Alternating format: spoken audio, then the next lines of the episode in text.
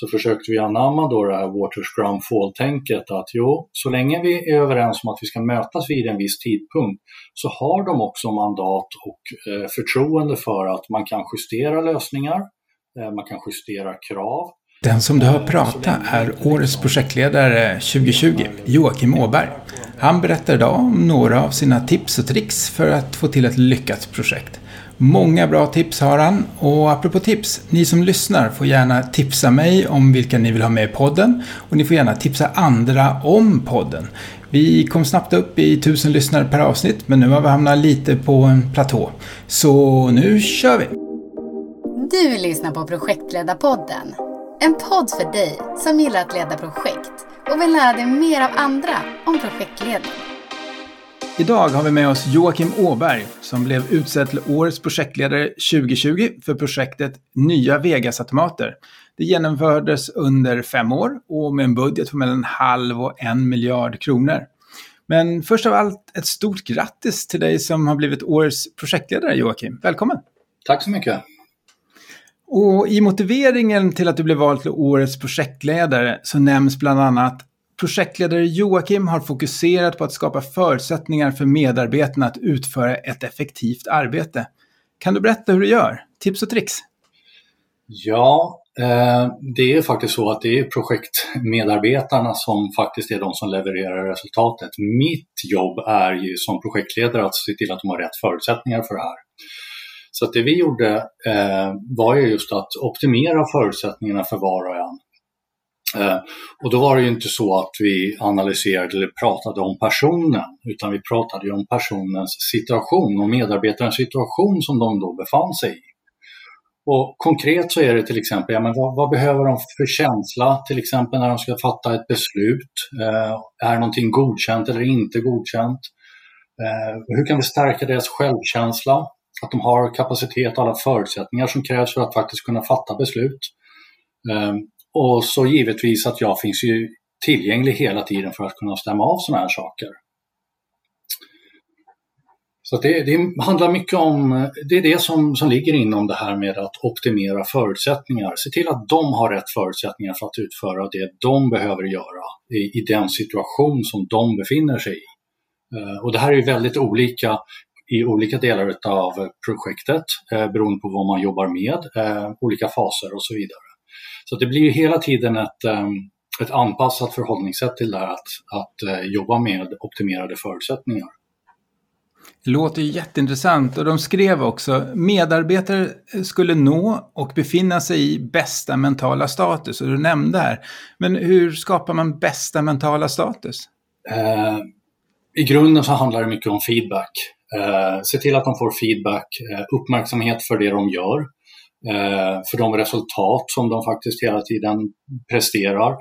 Eh, det sker saker i ett projekt varje dag och ibland behöver man lyfta upp även små resultat för att det är ett resultat och se till att det hela tiden blir påmind om att det faktiskt kommer framåt. Och att man hela tiden har med sig den här känslan att det går framåt, även om ett sånt här stort och långt projekt. Ibland infann sig känslan av att nej, men vi står ju här och stampar, vi kommer ju ingenstans, vi utvecklar och utvecklar men vi blir aldrig riktigt klara. Ja, men hur kan vi då lyfta upp den känslan och säga att jo, vi går faktiskt framåt hela tiden. Eh, så det handlar väldigt mycket om, om feedback. Eh, och sen att jag ser eh, medarbetarna eh, och det gör jag ofta genom att jag ser till att eh, ge dem ett mandat. Att det är väldigt tydligt vad det är de eh, bestämmer. Eh, med mandatet så behöver, finns det givetvis ett ansvar att en projektmedarbetare har ju en uppgift att leverera någonting. Vad är då det ansvaret och hur, eh, vilket mandat har de? Därav. Och här är jag väldigt tydlig med att det är, det är de som måste få bestämma hur de ska göra någonting eh, och, och sådana saker. Eh, det viktiga är att eh, vi har kommit överens om vad är det som ska vara gjort och när ska det vara gjort? Hur de tar sig dit, det mandatet har de själva att fatta. Och är det som är levererat tillräckligt bra? Eh, det, det måste de vara med och eh, bedöma. Och hur formaliserade ni det? Skrev ni det? Hade ni en planner? Vad, hur gjorde ni så att, eh, ni var, så att ni visste att ni var överens om vad målet var? Ja, målet, eh, målet kunde ju vara väldigt olika beroende på vilken, vilken fas vi, vi befann oss i i projektet och vilka medarbetare som var med och jobbade i den fasen. Eh, jag försöker ofta jobba med, med milstolpar. Vad är det som ska vara uppnått vid ett visst tillfälle? Och sen får vi diskutera vad betyder den här milstolpen? Den kan betyda olika för olika, olika delar i organisationen. Eh, men, men det viktiga är att vi är överens om, om definition of done i det här. Vad är det som, som, ska, som ska vara uppnått? Och det här behöver man ofta diskutera. Eh, för man kan sätta upp ett, ett, eh, en milstolpe eh, och sen när man väl kommer dit så visar det sig att nej, det var inte så jag uppfattade den här milstolpen. Jag tänkte så här. Eh, ett klassiskt exempel. Eh, jo, jo, all utveckling är klar, men jag har ju inte testat att det fungerar. Nej, men då är vi ju kanske inte riktigt klara som vi menade att vi skulle vara klara för att till exempel kunna leverera, lämna över till, till verksamheten för en acceptanstest. Eh, så att det handlar mycket om kommunikation här och eh, hitta en gemensam nämnare och en gemensam förståelse i det här.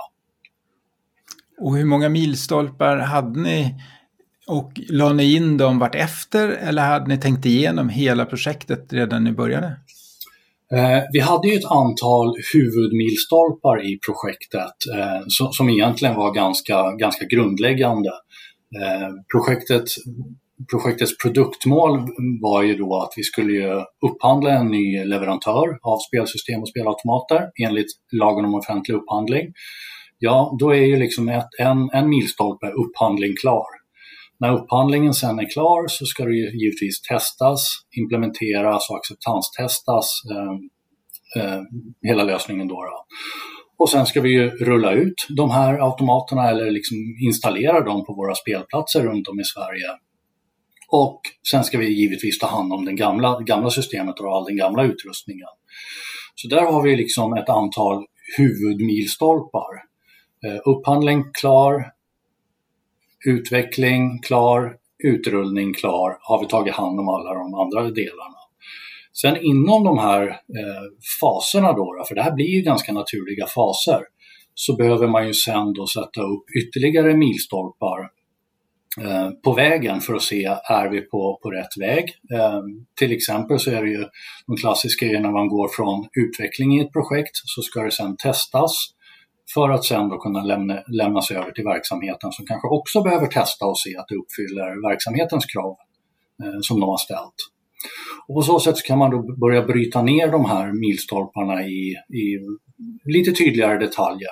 Men man behöver väldigt ofta diskutera vad betyder de här milstolparna för olika, olika medarbetare i projektet. Det la vi ganska mycket tid på faktiskt.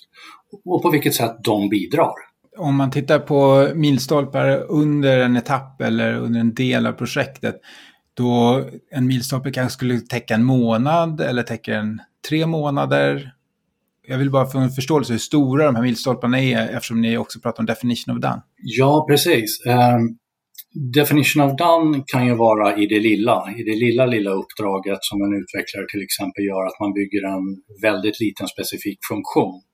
Eh, men vi pratade om, om definition of done på, på oftast på en ganska mycket högre nivå.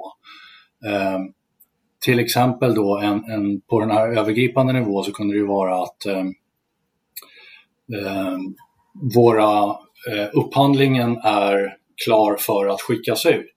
Ja, vad behöver då finnas klart för att det ska kunna göras? Ja, först så behöver ju kraven vara definierade. Ja, då kanske det är en milstolpe. Kraven är definierade. Därefter så behöver kraven kanske eh, dokumenteras ner i själva upphandlingsunderlaget och på så sätt så kan man då bryta ner det här i olika, olika leverabler eller delleverabler som var för sig blir väldigt tydliga. Eh, och längden på de här varierade ganska mycket. Eh, Särskilt med tanke på att det var ett väldigt stort projekt. Upphandlingen tog eh, tog nästan ett år för oss att genomföra, eh, det vill säga skriva alla kraven, komma fram till dem, dokumentera dem, se till att det är dokumenterat enligt eh, alla mallar som, som krävs för, att, för LOU och sådär. Eh, men normalt sett så försökte vi att inte ha milstolpar som var allt för långt bort. Men, men det, ofta så var det flera månader bort. Eh, och ibland så var det ju, eh, kunde det vara nästan ett år bort eh, som en milstolpe satt. Och då måste man någonstans bryta ner det här för att ska man gå och, i ett projekt och inte kunna känna att man har levererat ett resultat på flera månader eller kanske till och med ett år eftersom det här är så pass stort projekt ja, då infinner sig lätt en känsla av eh, frustration. Eh, och ett sätt att komma åt det är ju då att jobba med mer eh, kortare milstolpar och tydligare, tydliga leverabler på vägen så att man hela tiden ser att man tar sig framåt. Och det hjälpte säkert dig också att känna att du hade lite kontroll över projektet? Absolut, det, det är det ju. Sen, sen, är det ju så att i, i ett sånt här stort projekt så, så jag, jag, brukar prata om att ofta så är det en illusion av kontroll.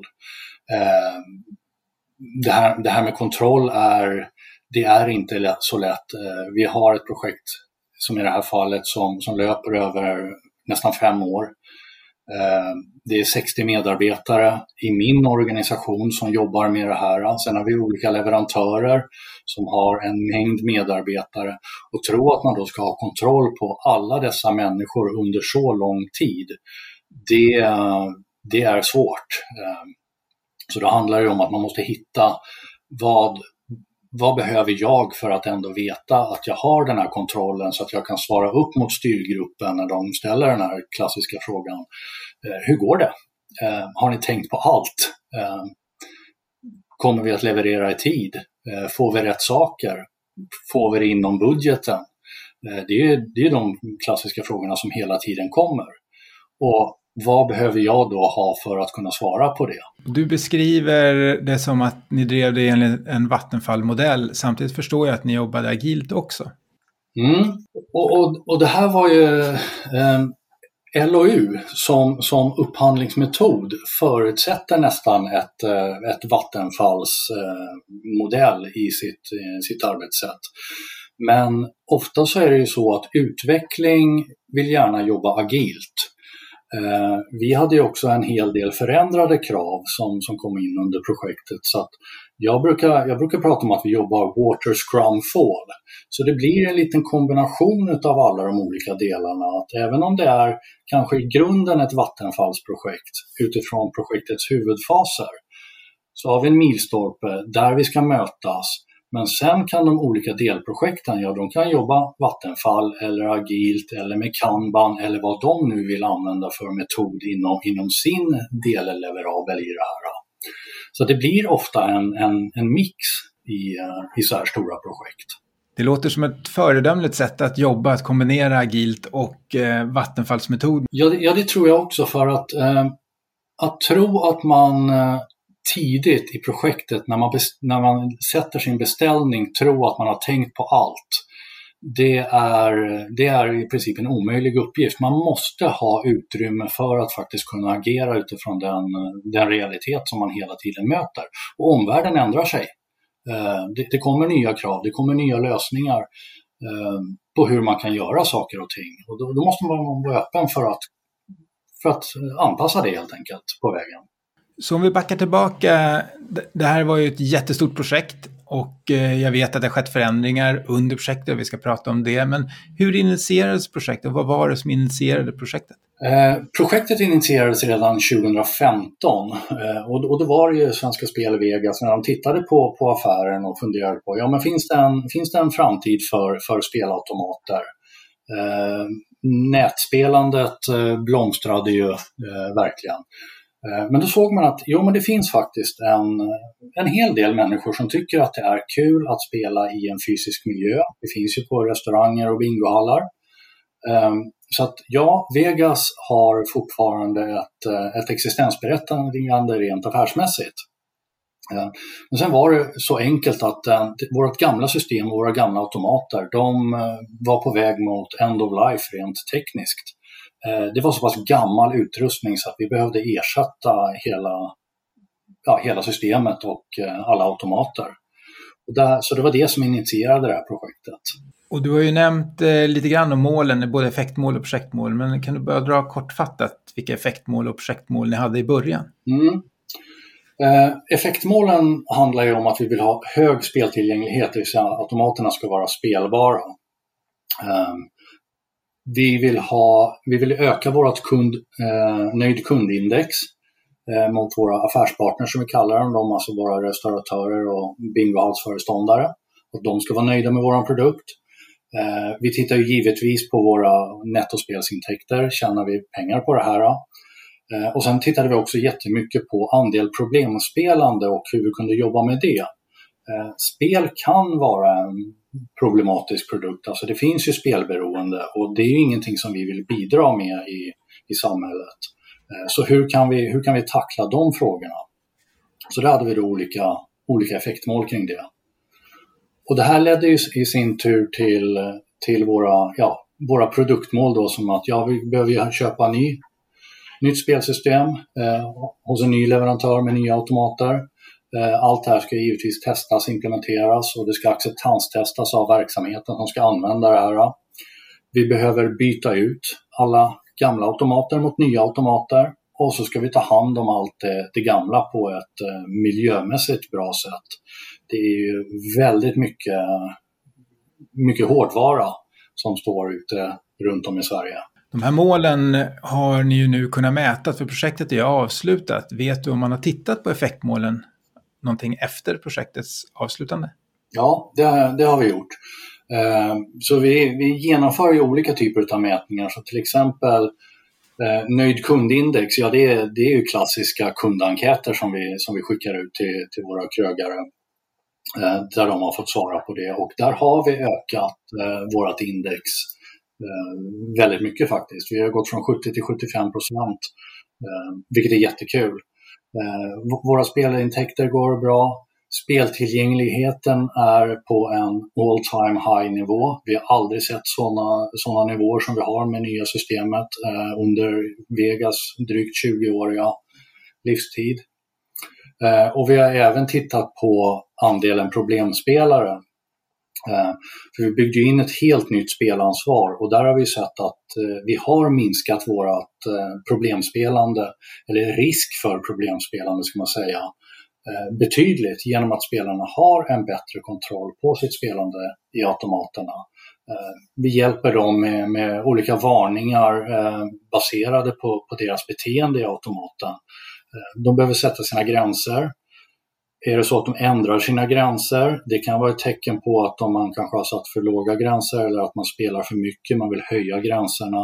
Då agerar vi på det utifrån spelarens beteende. Och så har vi ett proaktivt spelansvar som är väldigt, väldigt bra. Det är världsklass på det. När kom du in i projektet? Var du med från början?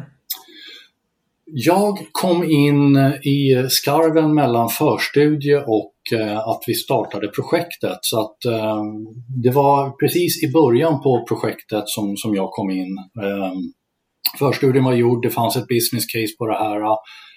Styrelsen hade bestämt att jo, vi ska, vi ska investera pengar i det här. Det är en bra affär och det är nyttigt och nödvändigt. Så där kom jag in och det var ju precis i början där när vi då skulle jobba med upphandlingen av ny, ny leverantör. Det här var ju 2016 som jag klev in, i början på 2016. Vad var det första du gjorde då? Eh, det första jag gjorde då? Ja, det var ju det var ju dels att försöka sätta mig in i, eh, i hela det här projektet och vad var det, alltså vad, vad är, det för, vad är det vi ska leverera? Eh, grundläggande. Vad har vi för produktmål? Hur ser, hur ser tidplanen ut för det här? Hur ser budgeten ut för, för projektet? Eh, grundläggande saker. Eh, och därefter så handlar det om att börja, börja stycka den här elefanten ner i, i hanterbara delar eh, och se ja, men vad behövs det för, för resurser som ska leverera det här. Finns de resurserna tillgängliga? Eh, ofta så är det ju ont om resurser i alla organisationer så att då behöver man ju motivera varför jag ska få de här resurserna. Eh, och sen att sätta ihop liksom olika, olika arbetsgrupper för, för olika frågor och se till att vi börjar producera i det här. Eh, men tidigt så var det just det här att sätta upp vad är det vi har för, för delmål på vägen här och se till att vi faktiskt började producera eh, riktiga saker. Eh, under upphandlingen så handlar det ju mycket i början om hur hanterar vi våran kravställning? Eh, vilka ska kravställa? På vilken nivå ska vi kravställa? Eh, hitta, hitta alla de saker. Och när man tar över ett projekt efter en förstudie så det har ju hänt mer än en projektledare att man upplever att budgeten är för låg, tiden är för pressad och eh, kanske omfattningen är för stor. Hade du, du någon sån upplevelse i det här läget? Eh, Mm, nej, egentligen inte. Alltså det, var, det var inte tid, kostnad eller omfattning som jag, som jag uppfattade som, eh, som utmanande i det här. Alltså sen, sen är det givetvis så att jag la ju jag la ju olika mycket tid på, på de här olika frågorna. Jag menar, I början så handlar det mycket om projektets omfattning. Det var där jag var tvungen att fokusera. Vad är det vi faktiskt ska göra? Eh, någonstans i mitten så handlar det om att se till att vi levererar eh, Eh, det vi ska göra och att vi har koll på kostnaderna. Eh, och sen tiden, ja, självklart så vill ju, vill ju beställaren ha det här så fort som möjligt. Så den, den finns ju alltid som en närvarande faktor. Eh, men, men det, det jag valde att fokusera på och det som jag tyckte var utmanande, det var ju primärt kommunikationen i projektet.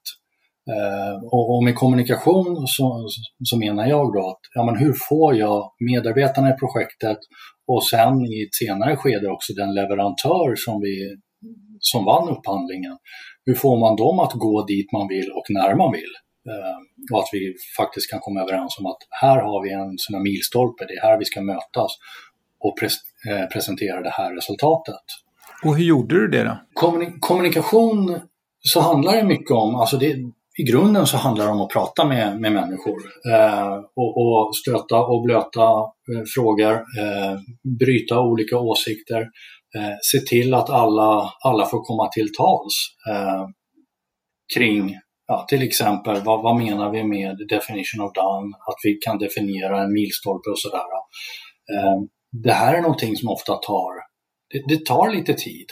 Men man har å andra sidan igen den tiden genom att man slipper komma fram till en punkt och så har man helt olika uppfattningar om vad var det som faktiskt skulle hända här. Eh, är vi överens om det och verkligen har diskuterat igenom det, då är sannolikheten att vi faktiskt eh, levererar det vi ska där borta vid den tidpunkten också betydligt mycket större. Eh, och det är ju sedvanliga projektmöten, dialoger med delprojektledare, med projektmedarbetare.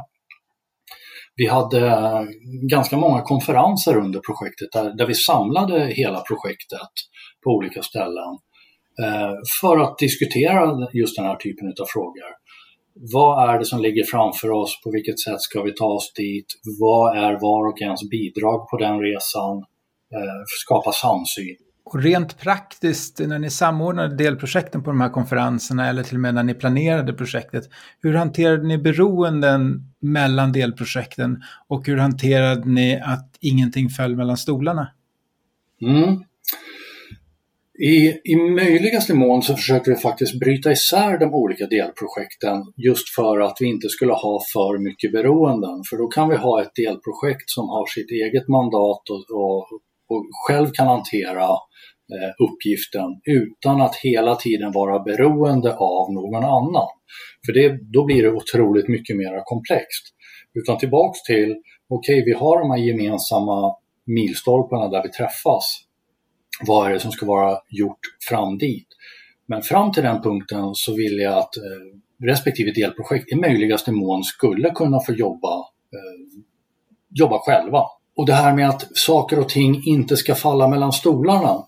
Ja, det är återigen det här man, man behöver diskutera, definiera, dokumentera vad är det de olika delarna gör och vad är det som ska vara uppnått vid, vid ett visst tillfälle. Eh, så att vi har just den här gemensamma samsynen på definition of done. Eh, vad är det som ska vara gjort? Och rent praktiskt, hur dokumenterade ni det? Hade ni ett Word-dokument eller stora tavlor på väggen? Det var, vi hade, det, det, var lite olika. Eh, vi har ju en distribuerad organisation som befinner sig på flera orter. Eh, många gånger så var det ju, vi, hade ett eh, projektrum på, på vårt kontor i Solna. Eh, där hade vi ju, mycket av sakerna fanns ju givetvis på, på tavlor eh, i det rummet. Men alla satt ju inte där. Eh, ja, då måste vi se till att vi får ner det i någon annan form. Ja, Powerpoint-presentationer, eh, Word-dokument. Eh, men ofta så handlar det om till exempel vi hade vi, vi hade ju regelbundna projektmöten där vi samlade hela projektet, eh, timmeslånga genomgångar. Eh, någon fick presentera någonting som var uppnått eller vad vi kommer att göra framåt. Eh, så att alla var införstådda med var är vi, vart ska vi, är det någon som har koll på den här uppgiften just för att minimera det här att ingenting faller mellan stolarna. Vi behövde sprida den kunskapen så att alla var ungefär eh, hade en uppfattning om vad som pågick i de olika delarna i projektet.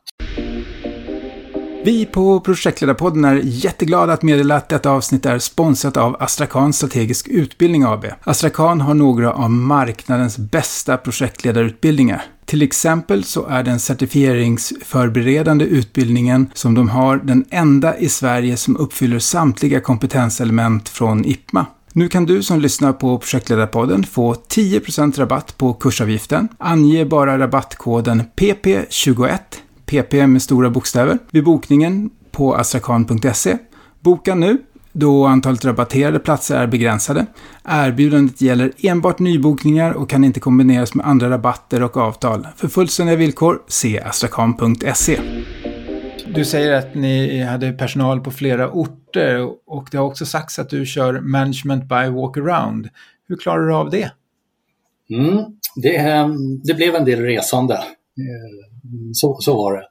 Eh, jag föredrar att, att träffa personer fysiskt. Eh, det är otroligt mycket lättare att prata med en människa fysiskt. Man uppfattar signaler betydligt mycket bättre på, på vad, vad personen faktiskt säger.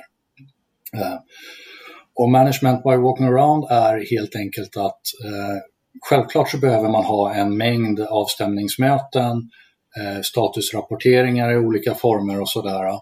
Men genom att finnas tillgänglig och ta ett varv runt eh, alla medarbetare i projektet och se till att man träffar alla. Eh, och, och, om jag inte liksom naturligt träffar alla, antingen i kaffeautomaten, i korridorerna eller på väg in mot ett möte, så såg jag till att jag faktiskt träffade den här personen. Då satte jag upp den på min lista att ja, men nu har jag inte träffat den här personen. Jag vill stämma av läget med den personen. Och då kan man ställa de här enkla frågorna. Liksom. Ja, men hur går det?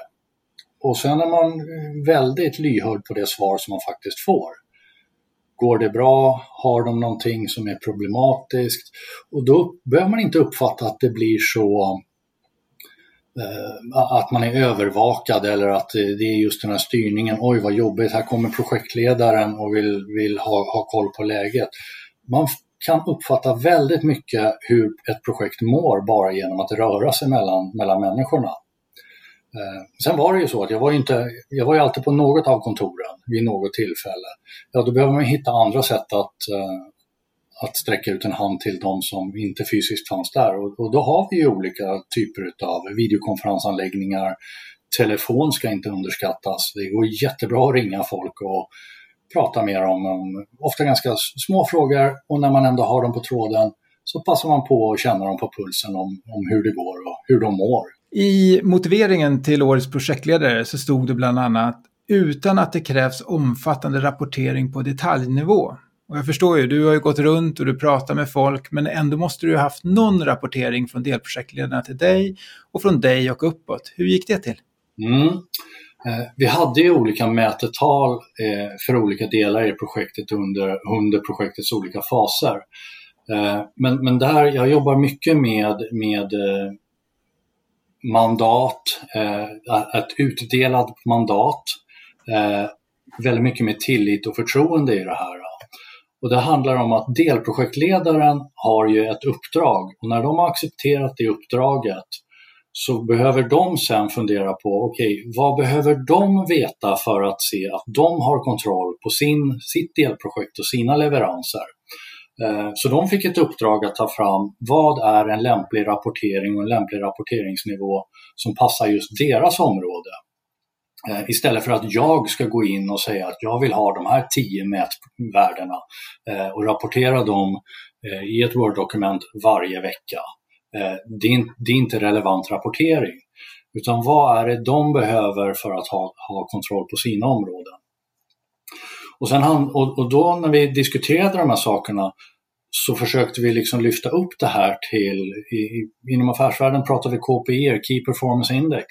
Eh, vi försökte hitta just de här viktiga nycklarna och kunde vi sätta ett värde på det eh, som de kunde rapportera. Eh, ett, ett, konkret exempel är till exempel utom, inom när vi, utrullningsprojektet.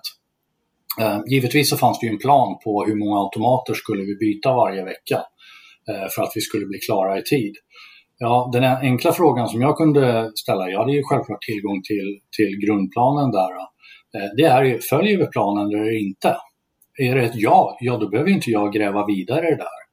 Är det ett nej, ja då kanske man behöver ställa en följdfråga på det här då. då.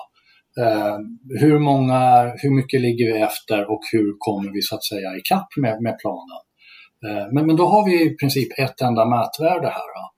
Följer vi planen, hur många automater är utbytta vid en given tidpunkt? Eh, och då behöver inte jag ha fler, fler kontrollpunkter än så. Hur hanterade ni då riskerna och riskinventering? Mm. Eh, vi valde faktiskt att inte jobba med risker. Uh, vi valde att jobba med kritiska framgångsfaktorer istället. Uh, och det är ju olika sidor av samma mynt, men perspektivet är ju helt olika i det här. En, fram, en kritisk framgångsfaktor är ju då, ja men vad är det som krävs för att vi ska nå framgång? Men då fokuserar man ju ofta mer på det positiva och det som vi faktiskt kan påverka än alla risker som, som oftast finns i ett så här stort projekt.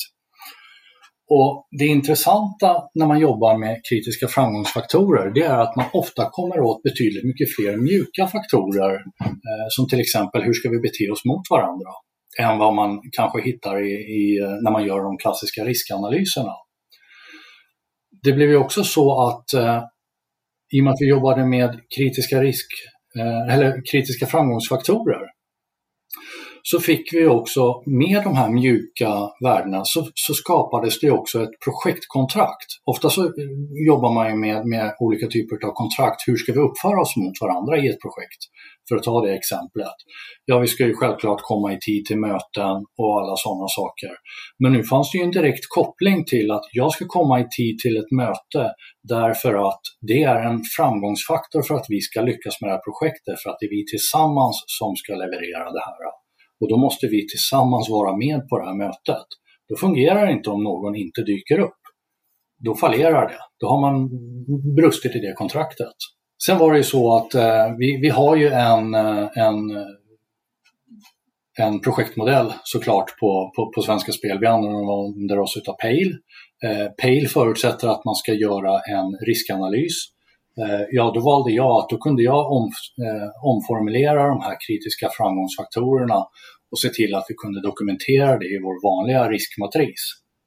Men det var inte där som, som vi la fokus i, i projektgruppen utan det var vad är det som krävs för att vi ska vara framgångsrika. Ehm, ett helt annat perspektiv och det blev betydligt mycket positivare och roligare. Ni använde Pale sa du och hur gick det till då när ni gick från beslut, från planering till genomförande? Gjorde ni det så formellt som det är enligt Pale eller hur gick det till? Ja, eh, vi hade ju dels våran, våran projektmodell med, med Pale. Eh, ja, där hade vi våra, våra klassiska beslutspunkter att nu går vi från, från genomförande, vi går in i avslut och, och de olika liksom delarna. Eh, vi hade ju också LOU eh, som upphandling i det här. Ja. Eh, och LOU har ju sina krav på att det faktiskt är väl dokumenterat eh, och beslutsunderlag framme för att vi ska kunna komma in i nästa fas i upphandling till exempel. Eh, och, och sen hade vi givetvis ett, ett avtal med, med leverantören Eh, där det fanns olika typer av eh, beslutspunkter, hur vi tar oss igenom projektet eh, under hela den resan. Så att ja, vi, självklart hade vi ett antal formella styrgruppsmöten där vi, som var till just för att ta de här formella besluten enligt eh, projektmodell, LOU och det som faktiskt står i avtalet. Så att vi kan se till att vi uppfyller det som står i avtalet. Du nämner styrgruppen, du har nämnt eh, leverantörerna. För mig låter det som det finns väldigt många intressenter till det här projektet. Eh, även de som ska ta emot de här spelautomaterna, kunderna. Hur hanterade ni de här? Eh, vi gjorde Självklart gjorde vi en klassisk eh, intressentanalys, eh, inventering av det. Eh, med, som du säger, alltså våra, våra affärspartner, våra spelare, vad är viktigt för dem, eh, hur, vilken information behöver de under den här resan. Eh, och, och hela det. Eh, vilken rapportering behöver gå inom organisationen och upp till vår styrelse. Det här är ju ett väldigt stort projekt så styrelsen var ju givetvis intresserade av att få löpande information om det. Men den, den primära, det vi jobbade väldigt mycket med så var det just intressenthanteringen internt i projektet. Vilka medarbetare har vi i projektet och vad är det de behöver för att prestera på topp? Det var lite det som vi pratade om i början här på, på den här intervjun. Eh, men självklart har vi sedvanlig intressenthantering. Det var ett rätt stort logistikprojekt som delar av projektet. Ni hade 4500 tomater på 1500 platser. Och jag gissar att eh, det finns rätt många intressenter kring det här, att det här ska bli lyckat. Och det skulle kunna komma i tidningarna om det inte blir det, eftersom det också gjordes under tidspress. Hur hanterade du det och hur kunde du hålla fingrarna borta från det delprojektet så inte du var där och styrde upp det hela? Ja, eh, till, tillbaks till, eh, till tillit, förtroende och, och eh, utdelat mandat. Att jag hade en delprojektledare som var ansvarig för att hantera hela utrullningen. Eh, och då var det givetvis hennes uppgift att, att eh, sköta den. Hela logistikprojektet var ju så att vi, ehm, vi hade ju en, en servicepartner som faktiskt är den som åker ut och eh, byter automaterna rent tekniskt. Eh, och tillsammans med dem så var det ju att börja bryta ner vad krävs det, vad behöver vi ha för takt varje vecka för att se till att vi når det här målet som vi hade. Och vi hade ganska stor tidspress i projektet. Eh, de gamla automaterna skulle inte få vara igång efter utgången av 2019. Så allting var tvungen att vara utbytt eh, innan dess. Annars var vi tvungna att stänga av. Eh, och det hade givetvis varit förödande för affären. Jag vet att ni också fick göra större förändringar under projektet. Eh, hur hanterar ni dem och eh, vad innebar det för projektet?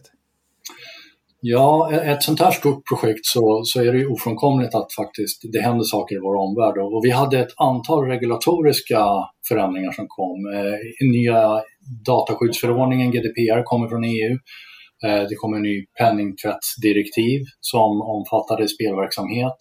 Eh, det kom en helt ny spellag. Och alla det här var ju regulatoriskt tvingande bitar som vi faktiskt var tvungna att, eh, att hantera. För de skulle ju börja gälla den dagen vi skulle börja rulla ut våra nya automater, så det var ju tvungen att vara klart då. De första delarna, GDPR, där lyckades vi ganska väl tackla det inom ramen för, för projektet. Eh, för den, för den tidplan som vi redan hade satt upp. Eh, sen blev det lite kärvare för sen kom eh, AML 4 med penningtvättsdirektivet och då kunde vi inte liksom tackla det inom, inom ramen för, för den projektplan vi, vi hade. Här var vi tvungna, det, det blev ett utökat, utökad omfattning, utökat scope. Och då var vi tvungna att titta på tiden. Ja, och kostnaden såklart, vad, vad innebär det här? Och sen lagom att vi var klar med, med penningtvättsdirektivet så kommer den nya spellagen med väldigt stora förändringar som vi sen var tvungna att hantera. Och här blev det ju, det, det var inget snack om att vi var tvungna att göra det eftersom det var ju regulatoriskt tvingande. Men det känns ju lite så här, vi var så nära att faktiskt få börja rulla ut våra automater och sen kommer det nya tvingande krav som gör att utvecklingen behöver förlängas. Eh, det var lite tungt i projektet eh, tidvis då, för då kändes det just, då var vi inne i en sån här period där vi kände att nu står vi och stampar. Det tillkommer krav, vi utvecklar, det tillkommer krav, vi utvecklar, men vi blir aldrig klara.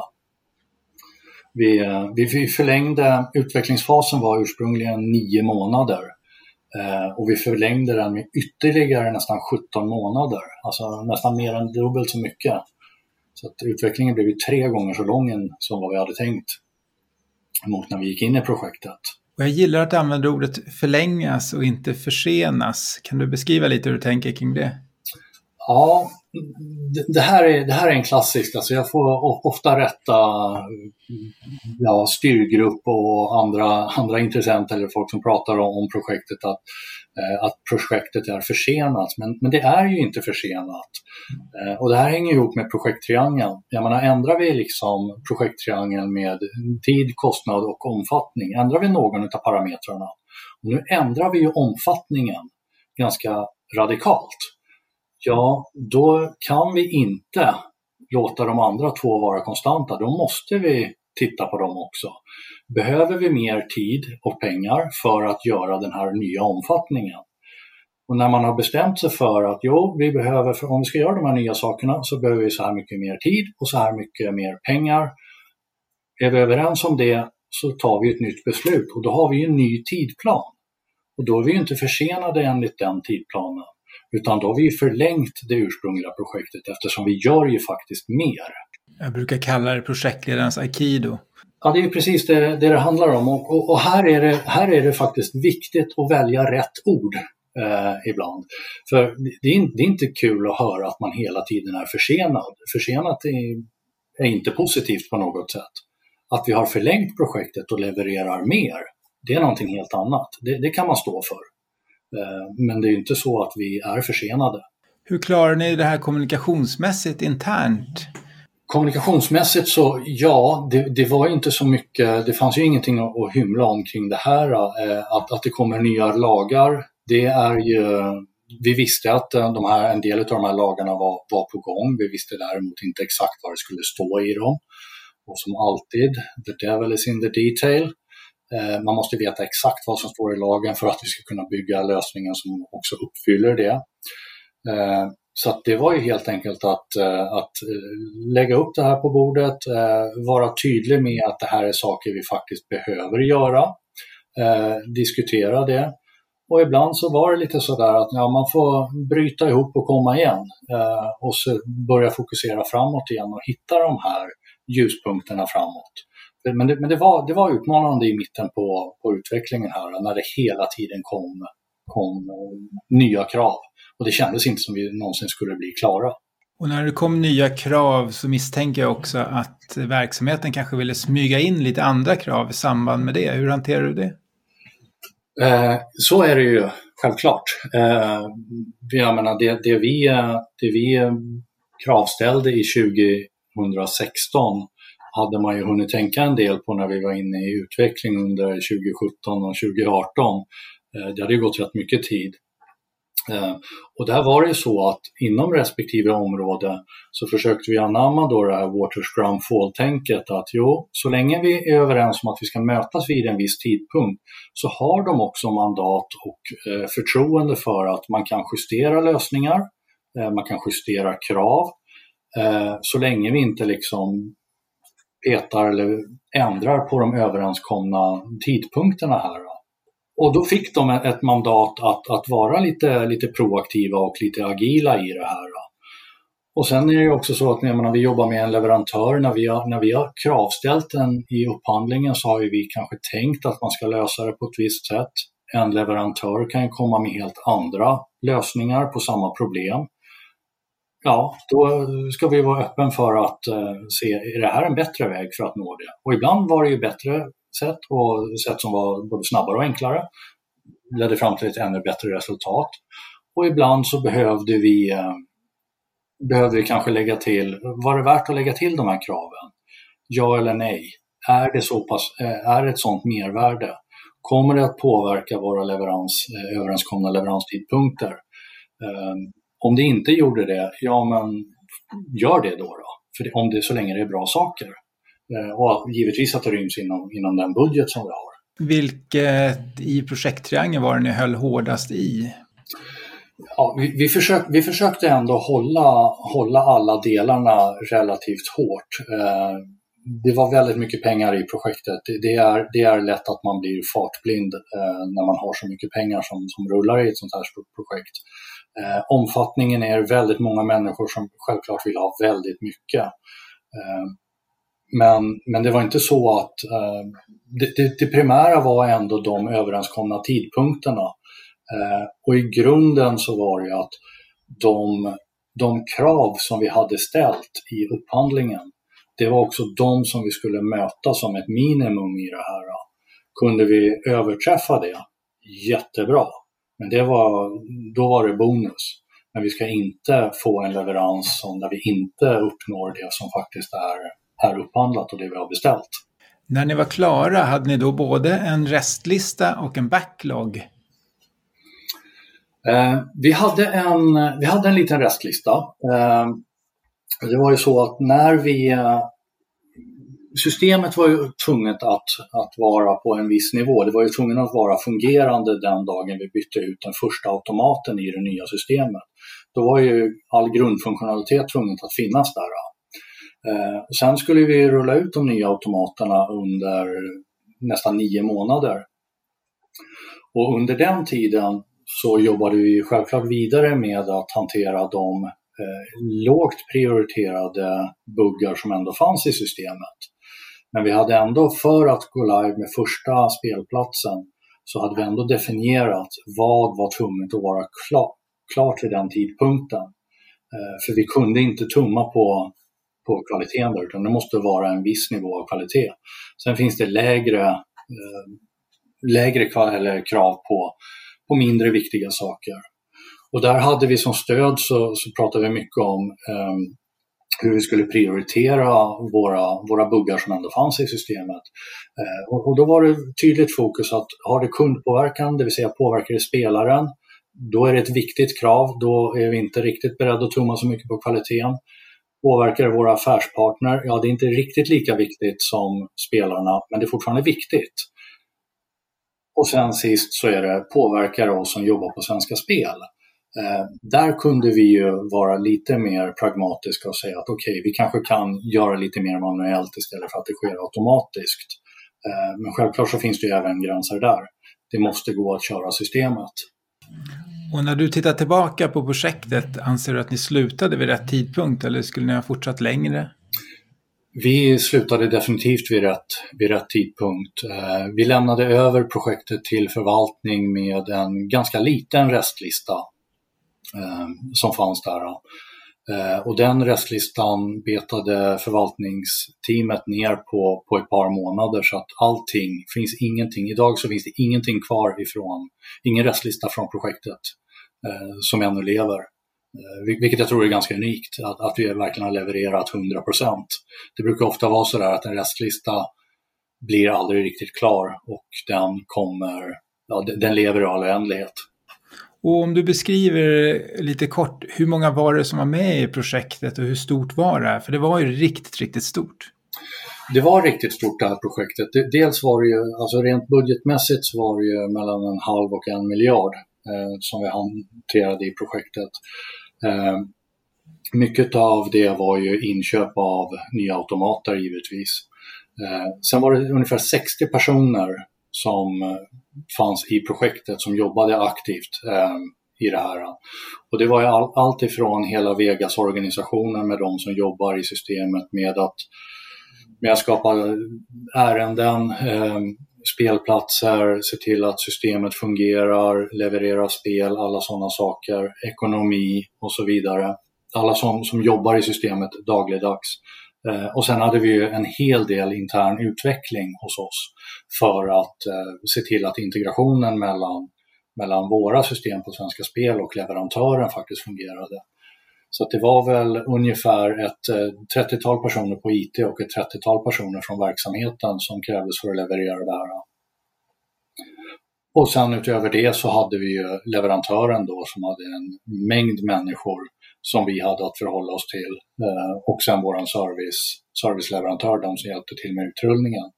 Och jag gillar ju alla sådana här tips och tricks och du har varit inne på några stycken här. Men jag vet eh, någonting du har berättat om förut om bollhavsbollar, coaching av extern och eh, i slutet på konferenser att ni var väldigt positiva. Kan du berätta om de här tre tips och tricksen?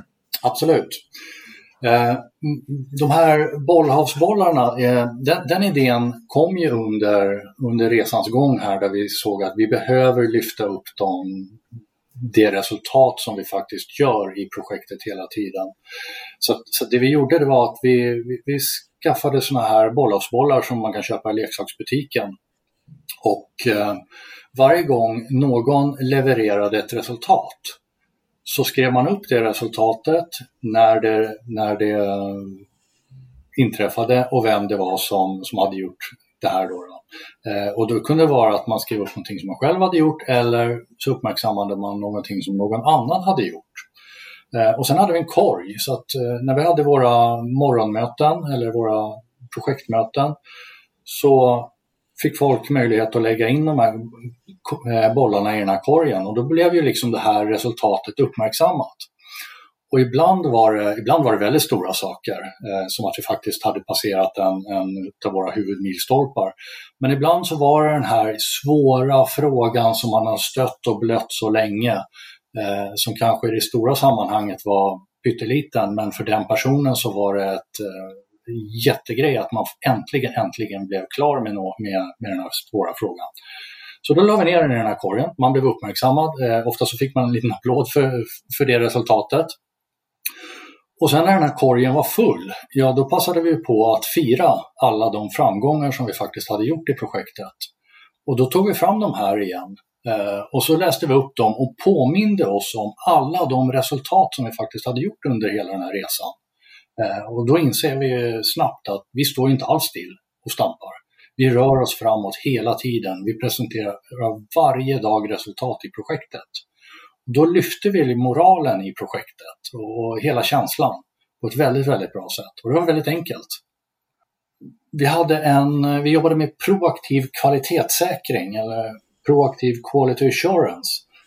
Eh, och ursprunget till det var att eh, stora projekt på Svenska Spel eh, granskas av internrevisionen.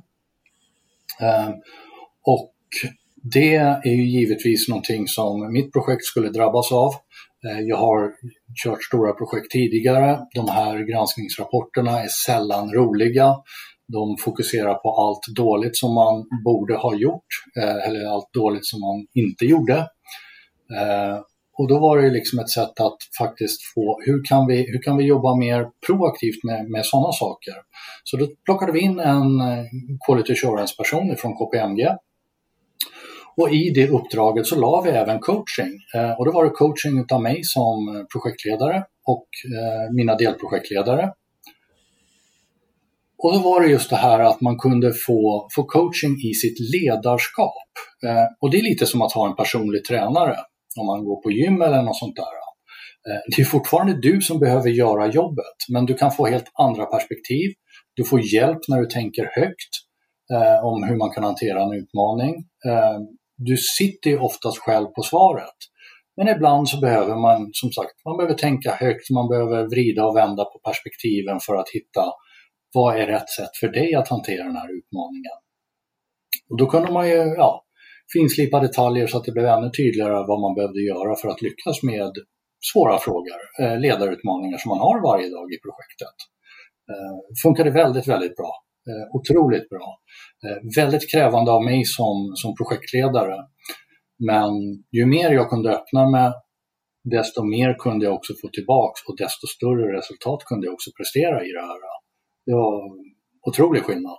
Måste vara idealiskt att ha någon som är utifrån och kunna prata med också för alla i projektet. Ja, men det är det.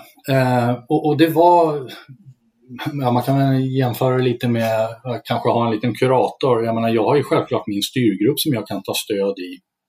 Men det är å andra sidan väldigt bra att ha en, eh, en person som kommer utifrån Eh, som inte har investerat i, i, relationer i företaget och sådär. Jag kan testa idéer eh, helt odramatiskt, eh, helt isolerat utan att, eh, utan att jag behöver göra bort mig i något sammanhang Och så kommer jag på att nej, men det, där var inte, det där var inget bra sätt att hantera det här på. Och sen vrider man och vänder på det och så kommer man på att ja, men det är så här jag ska hantera den situationen och sen går man ut och gör det. Så det är väldigt, eh, väldigt kraftfullt faktiskt. Någonting annat som är kraftfullt som jag förstått att ni gjorde var i slutet på konferensen att ni jobbar med positiv återkoppling. Mm, det gjorde vi. Uh, feedback var någonting som, som genomsyrade projektet uh, under hela dess tid faktiskt. Vi jobbade jättemycket med, med feedback uh, i alla dess former. Eh, både positiv och, och, negativ feedback, eller man ska säga. Eller primärt så var det den positiva delen som vi försökte förstärka. Och varje sån här konferens som vi, som vi genomförde så hade vi en, en, en feedback-dusch eller vad vi ska kalla det Eh, där varje medarbetare i projektet gav alla andra feedback. Och det kunde vara i form av att man fick ett positivt ord ifrån, eh, ifrån alla. Eh, de här orden skrev skrev, fick man nedskrivna på, på lappar så man kunde ta med sig det. Titta på en regnig dag, att jag är faktiskt en bra projektledare, jag är tydlig, jag är eh, vad man nu har fått för, för feedback. Eh, folk var verkligen i sitt esse efter de här konferenserna. Det var otroligt, otroligt bra stämning och den stämningen tog man ju med sig när man gick tillbaka till jobbet. Så det var väldigt, väldigt kraftfullt. Otroligt liten tid som investeras i det här, men det ger sånt resultat. Och jag vill passa på nu någonting som är bra. Det är att jag har dig med här och jag har alltid funderat på hur en spelautomat fungerar om jag spelar blackjack och behåller ett kort eller inte behåller ett kort, spelar det någon roll hur duktig jag är? Eh, nej, det, det, spelar ingen roll hur duktig du är. Det är eh, en, spelautomat är i grunden en lott som man köper. Det är en digital lott. Eh, och det vet man ju om man går i butiken och köper en lott så spelar det ingen roll om jag skrapar rutan i det övre vänstra hörnet eller det nedre högra hörnet först. Eh, det är redan avgjort när jag köper lotten. Eh, och det är samma i våra automater. Det spelar ingen roll om du behåller kort eller inte. Det är eh, slumpen som avgör om du vinner eller inte. Nu blir jag lite besviken här. Men om man skulle vilja komma i kontakt med dig och ställa fler sådana här kluriga frågor, kan man göra det då på något sätt? Det kan man jättegärna göra och då får man jättegärna mejla mig på min privata e-postadress som är joakim aberg71 gmail.com. Jättebra, vi kan lägga den även i anteckningarna till det här avsnittet. Och det här var ju så bra så här skulle man nästan kunna skriva en bok om och jag har hört någonting om det. Stämmer det att du ska göra det? Det stämmer. Eh, jag och min eh, coach som jag hade under, under det här projektet, Elisabeth Kamel, håller faktiskt på och eh, skriver en bok om det här. För vi tycker att det här var, det här var så bra. Det var så roligt att göra det här projektet och vi lärde oss otroligt mycket Eh, under hela det här genomförandet. Så det här är saker som vi vill sprida. Så då tänkte vi att ja, då, då skriver vi ett, eh, en bok om det. Eh, där vi summerar de, alla de nycklar som, som har varit avgörande för att just jag skulle lyckas med det här. Och tanken är då att mm, ja, de som har kommit en bit på, på vägen i sitt projektlederi kanske kan få lite tips och tricks på att så här kan man också hantera olika typer av frågor. Um, handlar mycket om reflektion, uh, hur man kan bli duktigare på det uh, och sådana saker. Och när kommer den ut? Vi siktar på att vi ska lansera boken efter sommaren. Ja men vad kul, då ser vi fram emot det. Och vi har idag fått många tips och tricks. Jag gillar speciellt det här med bollarna och andra sådana saker som är så enkla och effektiva. Vi har fått reda på att det inte finns någon skillnad på om man är duktig på blackjack eller inte. Samt framförallt så har jag blivit riktigt imponerad av hur ett så stort projekt med så stora ändringar ändå har blivit ansett som lyckat. Jag ser fram emot er bok. Stort tack Joakim Åberg för att du tog dig tid när du var med här i Projektledarpodden. Stort tack! Tack för att du har lyssnat på Projektledarpodden. Hör gärna av dig till oss med idéer, tips och förbättringsförslag. Det gör du enklast via mejl på lyssnare projektledarpodden.se eller vid det sociala nätverk du föredrar.